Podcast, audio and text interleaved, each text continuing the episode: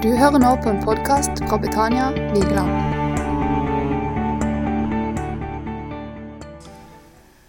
Jeg skal eh, forsøke å si litt om menigheten, eller kirken, i fremmed land. Vi eh, vet jo det at vi som Guds folk så er vi fremmede og utlendinger i denne verden. Vi er i verden, men ikke vi, er, vi er ikke av verden. Og Vi skal lese fra 1. Peters brev, der skal vi lese ifra det første kapittel og ifra det første vers. Første Peter brev, kapittel 1 og vers 1. I Jesu navn. Peter, Jesu Kristi apostel, hilser de utvalgte som lever som fremmede, spredt omkring i Pontus, Galatia, Kappedokia, Asia og Betynia. De som er utvalgt slik Gud, vår Far, på forhånd har bestemt og ved Ånden innviet til å være lydige og til å bli renset ved Jesu Kristi blod. Nåde og fred være med dere i rikt mål. Så vi ser her at når, når eh, Peter skriver til disse, så skriver han selvfølgelig også til Det var jøder, noen av de, men de fleste av de var hedningekristne. Altså De tilhørte ikke det jødiske folk, men de var blitt frelst gjennom at evangeliet hadde de tatt imot. Og eh, Han skriver lenger ute i det andre kapittel hvordan eh, det har skjedd, og hva de er for noe, hva de er blitt når de har tatt imot evangeliet. Så står det i kapittel 2 og vers 10.: Dere som før ikke var et folk, er nå Guds folk. Dere som før ikke fant barmhjertighet, har nå funnet barmhjertighet. Altså, Han skriver til hedningefolket, som ikke var regna som Guds folk tidligere, men som hadde tatt imot evangeliet og blitt Guds folk. Og de er det han skriver til som fremmede og utlendinger der de var i verden. Og Slik er det også med, med oss i dag. Helt siden Abrahams tid, hvis du leser i Hebreabrevet 11, det såkalte troskapitlet, så står det om de, disse gamle hellige, at de regna seg som fremmede og utlendinger i denne verden og søkte det som skulle komme. Det egentlige fedrelandet som de stunda etter. Nå var det slik at eh, jødefolket, som dere kjenner til, jødiske historien, så var jo de fremmede og utlendinger på forskjellige steder i forskjellige tider, større eller lengre tid. De var i fangenskap i Egypt i over 400 år. Og Så ble de bortført til Babel en tid seinere, og der var de i 70 år. Og når eh, de ble eh, flytta til Babel, eller ført fang, som fanger til Babel, Babel, så var jo det fordi at de hadde vendt seg bort ifra Israels Gud. De var begynt å tilbe gudene til folket som var omkring i uh, Judea og forskjellig rundt det israelske folket. Og så drev de med avgudsdyrkelse. De vendte seg bort ifra Gud, som hadde ført dem ut ifra Egypten og ført dem inn i Kanans land. Så talte profeten Jeremia, han var profet på den tid, og han talte til konger, til eh, de styrende i Israel, og forkynte at de kom til å bli ført i fangenskap til Babel. Kong Nebukaneser sin hær hadde omringa Jerusalem og ville føre folket som fanger til Babel. Så var det andre profeter som forkynte et helt annet budskap. Og de sa det stemmer ikke det som profeten Jeremia taler. For eh, dere kan bare slå dere til ro. For eh, Gud kommer til å gjøre det slik at eh, Nebukaneser, kongen i Babel, han mister sin makt. Han kommer til å tape all, alt eh, det han står for, og dere kan ta det helt med ro. Og så sier profeten Jeremia, som har et budskap ifra Gud Hør ikke på disse profetene. Jeg har ikke talt til dem, og jeg har ikke sendt dem. Allikevel profeterer de. Og så skjedde jo det som eh, Jeremia hadde forkynt. At Babel, Babels konge inntok Jerusalem, Judea, og folket ble ført til fangenskap i Babel. Og hvis vi, Da skal vi gå til eh, et avsnitt hos profeten Jeremia. For når folket kom til Babel, så hadde jo profeten forkynt at dere kommer til å være der i 70 år som fanger. Og når 70 år er gått, da skal jeg føre dere tilbake til Israels land. Så kan du prøve å tenke deg Hvis vi Det er kanskje vanskelig å tenke sånn, men i alle fall disse folka ble ført som fanger til Babel. Og så sier profeten på Guds befaling dere skal være der i 70 år. Ja vel? De som da er 40 år når de kommer til Babel, de har jo ingen drøm om å komme tilbake igjen. Det må jo nesten bare være de nyfødte som har det håpet at vi skal komme tilbake igjen. For er du 30 år og du legger til 70, så er det jo 100 år. Og det var lite trolig at de levde i 100 år. Så de fleste, aller, aller fleste av disse som ble ført til Babel, de hadde altså ikke håp om å komme tilbake til Israel. Og så kan du spørre hva, hva ville du ha gjort hvis du kom til et land ufrivillig, og du visste at du hadde ikke kjangs til å komme tilbake? Da tror jeg det ville bli slik for noen at de tenkte ok, vi får gjøre vårt beste og så bli sånn som folk i Babel. Vi får integrere oss. Vi vet jo hva det er i Norge etter hvert. ikke sant?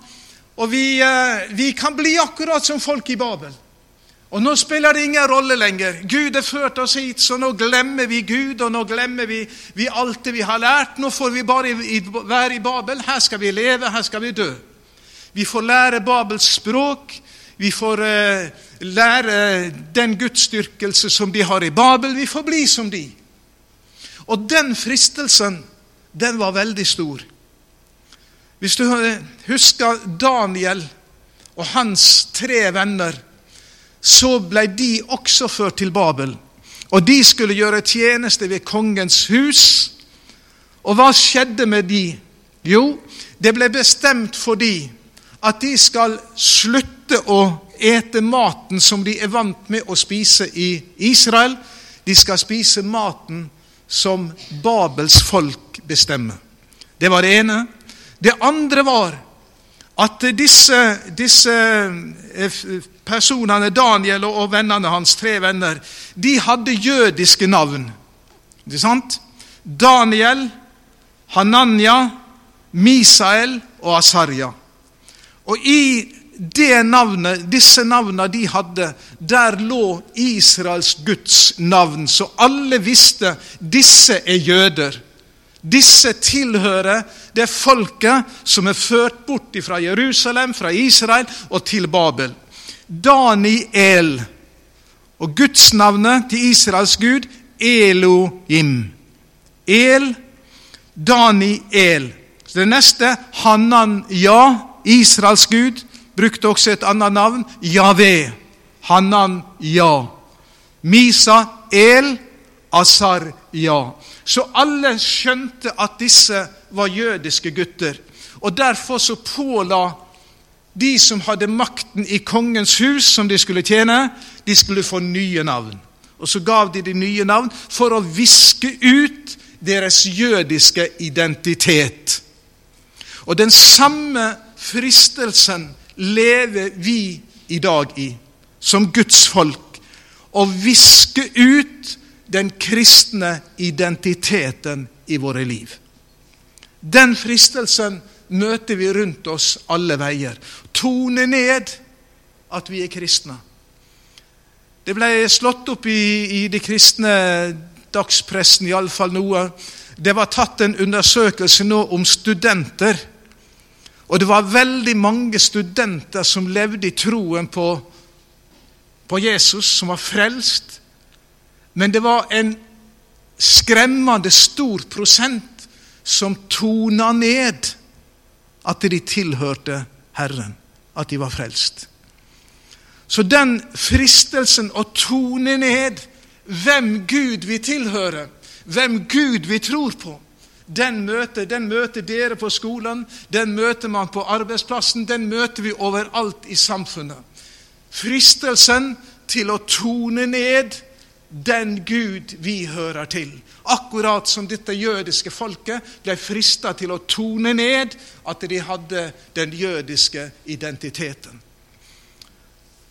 Men det var et budskap ifra Herren som profeten Jeremia talte til disse som var, kom til Babel, og som skulle få være der i 70 år. Da skulle folket vende tilbake. Og Det er veldig spennende å lese og interessant å lese det som profeten Jeremia sa til dette folket som var i fangenskap. Hvordan de skulle forholde seg i fremmed land. Og det er et budskap til oss som er frelst, som tror på Jesus, og som vet vi er i verden, men ikke av verden. Hvordan skal Guds menighet, hvordan skal Guds kirke forholde seg i vår tid? Hvis du har Bibel, så kan du slå opp i, i profeten Jeremia, kapittel 29. Nå skal vi lese hvordan Gud ville at de skulle forordne seg og være i det landet som de var ført bort til. Der står det ifra kapittel 4 Nei, ifra, fra vers 4, kapittel 29. Så sier Herren over herskarene, Israels Gud, til alle jeg har ført i, i eksil fra Jerusalem til Babel. Bygg dere hus og bo i dem. Plant dere hager og spis frukten. Ta dere koner og få sønner og døtre. Ta koner til sønnene og gift bort døtrene deres, så de kan få sønner og døtre. Dere skal bli flere og ikke færre. Dere skal, dere skal fremme fred for den byen det, som jeg har ført dere til i eksil, og be til Herren for den. For når den har fred, har også dere fred. Så sier Herren over herskarene Israels Gud. La dere ikke narre profeten og spåmennene som er hos dere. Hør ikke på drømmene dere drømmer, for de profeterer løgn for dere i mitt navn. Jeg har ikke sendt dem, sier Herren. Så sier Herren, når 70 år er gått for Babel, skal jeg se til dere. Da skal jeg oppfylle mitt gode løfte for dere og føre dere tilbake til dette stedet. For jeg vet de tanker jeg tenker om dere, sier Herren, fredstanker og ikke tank, ulykkestanker. Jeg vil gi dere fremtid og håp. Et veldig kjent vers, men her er altså sammenhengen det står i. Det står til de som var kommet til, til Babel som, uh, i fangenskap. Hva er det han sier til dem? Hva er det han sier til den jødiske menighet? Og jeg tror han sier noe av det til oss som en kristen menighet i dag. Hva er det han sier? Bygg dere hus og bo i dem. Altså, de skulle bygge noe som ble stående selv etter at de var gått bort. Så skulle de bygge hus som ble stående etter at de var døde og hadde gått bort. Hva forteller det oss i dag? Hva kan vi anvende det på i dag? Jo, vi som Guds folk, som Guds menighet, vi er kalt til å bygge den levende Guds bolig. Et tempel for Gud.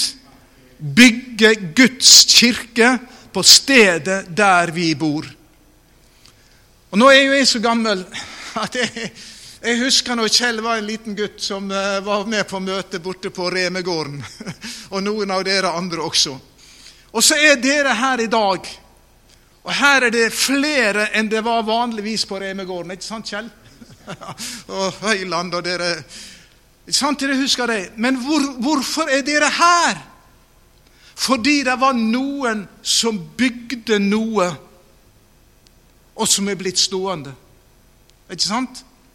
Det var noen som bygde den levende Guds forsamling den gangen. Og så har det blitt bevart, og det er blitt stående. Og Det vi er kalt til, er å bygge. Vi skal gå tilbake til, eh, til 1. Peters brev. Vi er kalt til å være med å bygge den levende Guds menighet.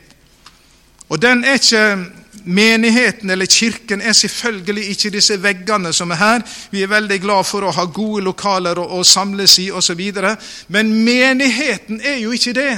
Menigheten er jo oss som er her, og som er frelst. ikke sant? Og vi er kalt til å bygge et hus for den hvor Guds ånd skal ha sin bolig.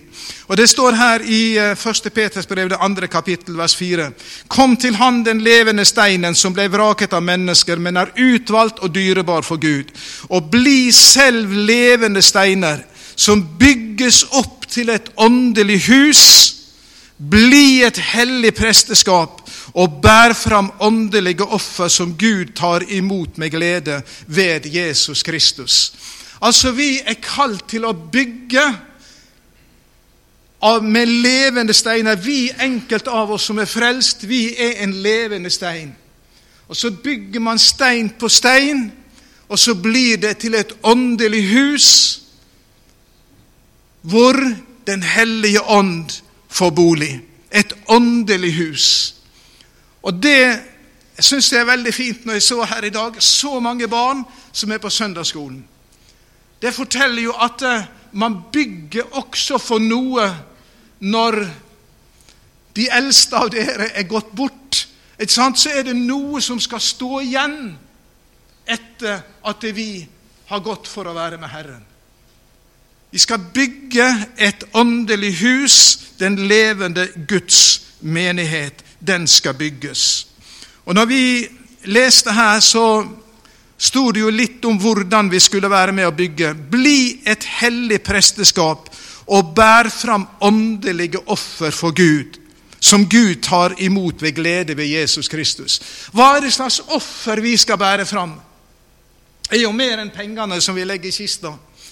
For Bibelen snakker noe om de offer som skal bæres fram i det huset som er den levende Guds menighet. Jeg skal bare lese to steder ifra om hvordan, eh, hvilke offer det er. Hvis du har Hebreabrevet, så står der i kapittel 13 Vi kan godt ta med det. Om de offer som vi skal få bære fram i dette huset som er, er Guds hus, den levende Guds forsamling. I kapittel 13 og vers 15 står det:" La oss da ved ham stadig bære fram for Gud vår lovprisning som offer, det vil si frukt av leper som bekjenner Hans navn. Det er den ene offeret vi skal bære fram. Lovprisning, tilbedelse til Gud. Det skulle være en naturlig del i den levende Guds forsamling, ikke sant? hvor vi er med, og vi har vært med noe allerede i dag, og tilbedt den levende og sanne Gud. Tilbedelse til Han som har frelst oss, født oss på nytt og gitt oss et evig håp. Og så står det videre i det neste verset.: Men glem ikke å gjøre godt og dele med andre, for slike offer er til glede for Gud. Altså, Gud har ikke kalt oss som Guds forsamling til bare om skal, Det er litt feil å si bare, men bare konsentrere seg om det åndelige. Vi skulle være med og så gjøre godt og dele med andre. Leser vi gjennom Det nye testamentet, apostelgjerningene, brevlitteraturen, så finner vi at de samla inn mye penger på forskjellig vis også den tid. Og de aller, aller fleste av disse pengene de ble ikke brukt til å bygge boliger eller hus. Men vi er glad for å ha gode hus å samles i her oppe i kalde nord. ikke sant? Men de brukte de samla inn for å dele ut og gi til de fattige. Og gjøre godt for andre mennesker. det er offer som er til glede for Gud. Og over alt dette, med å tilbe, med å, å, å lovprise, med å gjøre godt og stille kroppen sin til lydighet og til disposisjon for Gud, over alt dette hører det med i Guds forsamling, slik som Peter skriver i sitt brev. Der står det at vi skal forkynne Hans storverk, Han som kalte oss ved sin nåde.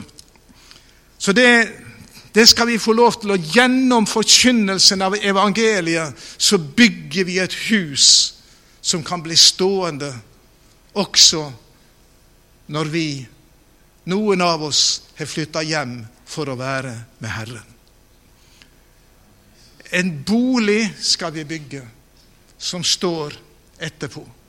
Og jeg er sikker på det hadde de gamle som styrte borte på Remegården i sin tid, hadde de sett forsamlinga her nå, så hadde de gleda seg. Gleda seg over at det, det står, det har vokst, det er blitt nye mennesker til. Der er barn, der er ungdom, der er noe som skjer. Og så begynt, fikk de lov til å begynne å bygge. Så sa profeten Jeremia noe mer til dem. De skulle bygge hus og bo i dem. Og så skulle de plante hager og spise frukten.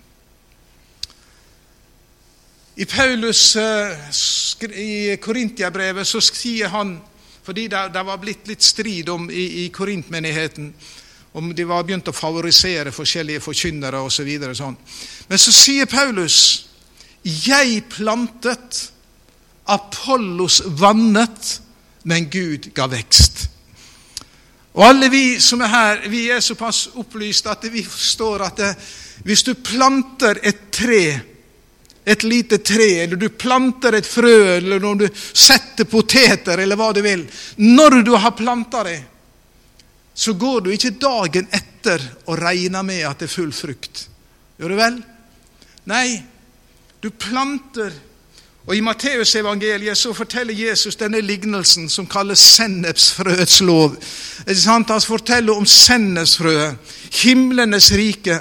Det er likt en mann som tok et sennepsfrø som er så lite, og så planta han det. Og så sto det der. Og så gikk ikke han dagen etterpå og gravde det opp og så, åssen det blitt det her. Nei, han lot det stå der, stå der. Og så får det vann, og så får det stell, og så vokser det opp til et stort tre. Og slik er det med Guds rikets lov. Altså, vi er kalt til, som Guds kirke, som Guds menighet, er vi kalt til å plante noe i de små barna. Vi er kalt til å plante noe i den oppvoksende generasjon.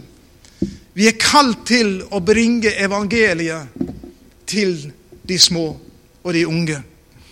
Og så venter man ikke at de skal få skjegg etter ett år. Man gjør jo ikke det. Man er romslig fordi de skal vokse, ikke sant? Ungdommene her, de skal vokse. De skal vokse, og alle barna de skal vokse, de skal spire, og de skal gro, og de skal bli den modne mann og kvinne. Fordi det var noen som sådde noe. Og det er Guds tanke, det er Guds plan med Guds menighet. Vi skal så, og vi skal høste i sin tid. Jeg er fra et lite småbruk oppe på Sunnmøre, så jeg vet hva det vil si å sette poteter. Vi, og når vi hadde satt, så, så, så var jo bare åkeren svart. Det var jo ingenting. Og så begynte det å komme opp noen grønne blader. Da visste vi det er ikke, det er ikke ferdig ennå, men det kommer. Det kommer. Og det gjorde det. Og sånn er det med å så i Guds rike. Det var det vi, dere skal plante. Og dere som er her på Vigeland, er satt til å plante evangeliets såkorn i mennesker som bor her på Vigeland. Og Gud velsigne dere i det arbeidet dere gjør. For Gud hadde en plan med det folket. Og han gikk videre og så sa han, dere skal ta dere koner og få sønner og døtre. Dere skal ta koner og få Dere skal gifte bort døtrene deres, så dere kan få sønner og døtre. Hvorfor? Dere skal bli flere og ikke færre. Og det er Guds plan for Guds menighet. Dere skal bli flere og ikke færre. Og hvordan skal det bli? Ja, hvordan får man barn? Det vet jo dere. For dere har jo fått mange barn her. Så dere, det har dere greie på. Ikke sant? Og det skjer ikke ved at mann og mann er sammen. Han sier jo profeten her kan vel en mann føde barn? Nei, dere, la, la, de unge mennene få seg koner. La de unge kvinnene få seg menn. Og hva, hva, har det å si til oss, da? Går det an å anvende på oss som Guds menighet? Ja, fordi at når man får barn, så er det fordi at det er to forskjellige kjønn som har hatt en relasjon, en kjærlighetsrelasjon, bør det være. Så får man barn. Og hva er det som skjer i Guds menighet? Jo, vi er i en, en menighetssamling så har Gud gitt forskjellige tjenester. Og det er når de forskjellige tjenestene fungerer i en kjærlighetsrelasjon, så blir det vekst i Guds forsamling. Altså Noen tenker bare vi får tak i en stjernepredikant, så, så er alt løst. Bare vi får tak i de beste, så blir det bra. Og Jeg har vært både forstander og predikant så lenge jeg har forsøkt noe av det der å få de beste. Det er ikke alltid det fungerer.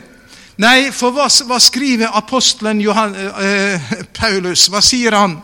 Gud gav oss noen til apostler, noen til profeter, noen til hyrder, noen til evangelister. Hvorfor? For at de hellige skulle bli bygd opp det var altså gjennom de forskjellige tjenester, og det er mange flere tjenester enn det som han nevner der i Efeserbrevet. Hvis vi slår opp i Korintiabrev, første Korintiabrev, så, så har Paulus en ganske så grundig undervisning om nådegavene og de forskjellige tjenestene. Og det som han tenker, og det som han vil undervise om, det er at alle gavene er forskjellige og må fungere sammen. Og Han eh, snakker da om kroppen, ikke sant, som har forskjellige lemmer. Og menigheten er Kristi kropp. Og hvordan skal det bli vekst? Jo, det skal bli vekst ved at de forskjellige lemmene fungerer i en enhet, i kjærlighet med hverandre. Da blir det vekst. Det er ikke bare pastoren, det er ikke bare eldsteråd eller lederskap som skal gjøre alt i Guds forsamling, men vi skal få være med alle med de forskjellige gaver og de forskjellige tjenester Gud har gitt oss. Og Derfor så skriver han og bruker bildet av en kropp. Ikke sant? Og så sier han i vers 15 i kapittel 12 der Om nå foten sier 'fordi jeg ikke er hånd, hører jeg ikke med til kroppen', så er den like fullt en del. Og sånn er Det med, det kan ofte være vi tenker at 'nei, jeg er ikke så flink som de andre', 'jeg kan ikke alt det som de andre'. Så trekker vi oss tilbake.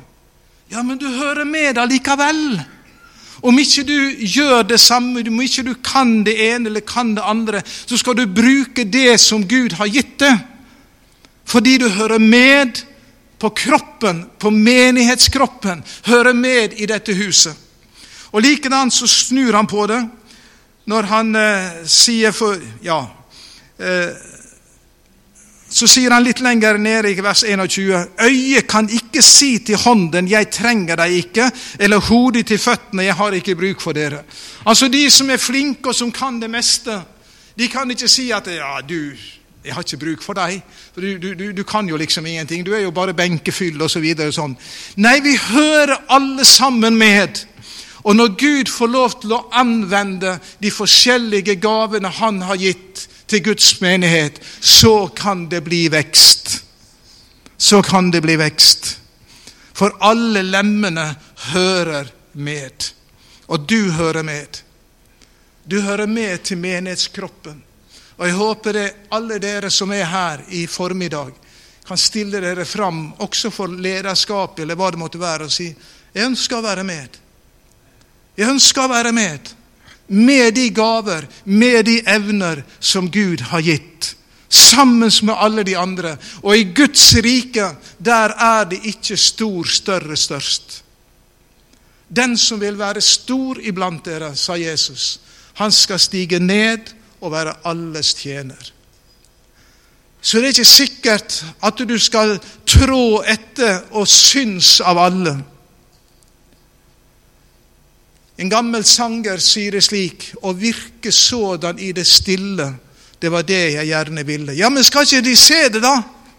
Nei, er ikke det nok at Gud ser det? Er ikke det Han som skal lønne? Det er jo det.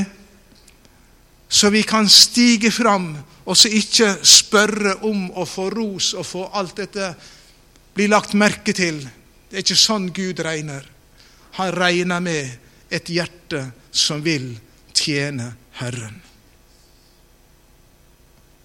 Skal jeg snart slutte? Men det sas noe mer om denne menigheten. Nå skal jeg bare nevne det. Det står noe fantastisk om hva vi skal gjøre mens vi er her i tiden. Dere skal fremme fred for den byen som jeg har ført dere til, og be for den, for når den har fred, har også dere fred. Vi skal fremme fred og velstand for det stedet vi bor. Vi skal få være en menighet som bryr seg, rett og slett. Hva er behovet på Vigeland? Hva er behovet på Vigeland? En menighet, en Betania som bryr seg. Det har Gud kalt oss til. Det er gudstjeneste vi skal få være med om. Og så sa, la han til Og dere skal be for den. Dere skal be til Herren for den, for når den har fred, har også dere fred. Guds menighet er kalt til å være et fellesskap som roper til Gud i bønn. Paulus skriver til Timotius, som han hadde blitt bli igjen i Efesus for at han skulle sette alt i rett stand. Så skriver han framfor alle ting, Timotius, det skal gjøres bønner, påkallelser og forbønner for alle mennesker. Altså Han oppfordra Timotius til å inspirere menigheten til et aktivt bønneliv. Ikke bare om at eh, Gud, du må gjøre noe i Betania. Gud, du må, du må utruste oss, du må gi oss nådegave, du må fylle oss med din ånd osv. Det er bra, og det skal vi be om. Men vi skal be, be for konger, de som er i høy verdighet. Han løfter altså blikket. Vi skal be for byen, for bygda, for landet, for folket. Løfte blikket vårt og be for vår nasjon. Og bønnelivet skulle være pulsslaget i hver eneste menighet. Så snakker vi mye om bønn, og så er det så vanskelig å få til. Men Gud har kalt oss til det. Så Gud signe dere til å være en slik bygning, en Guds bolig, der hvor både lovsang og tilbedelse og bønner får sin naturlige plass. Så vil Gud i sin nåde gi vekst. Amen.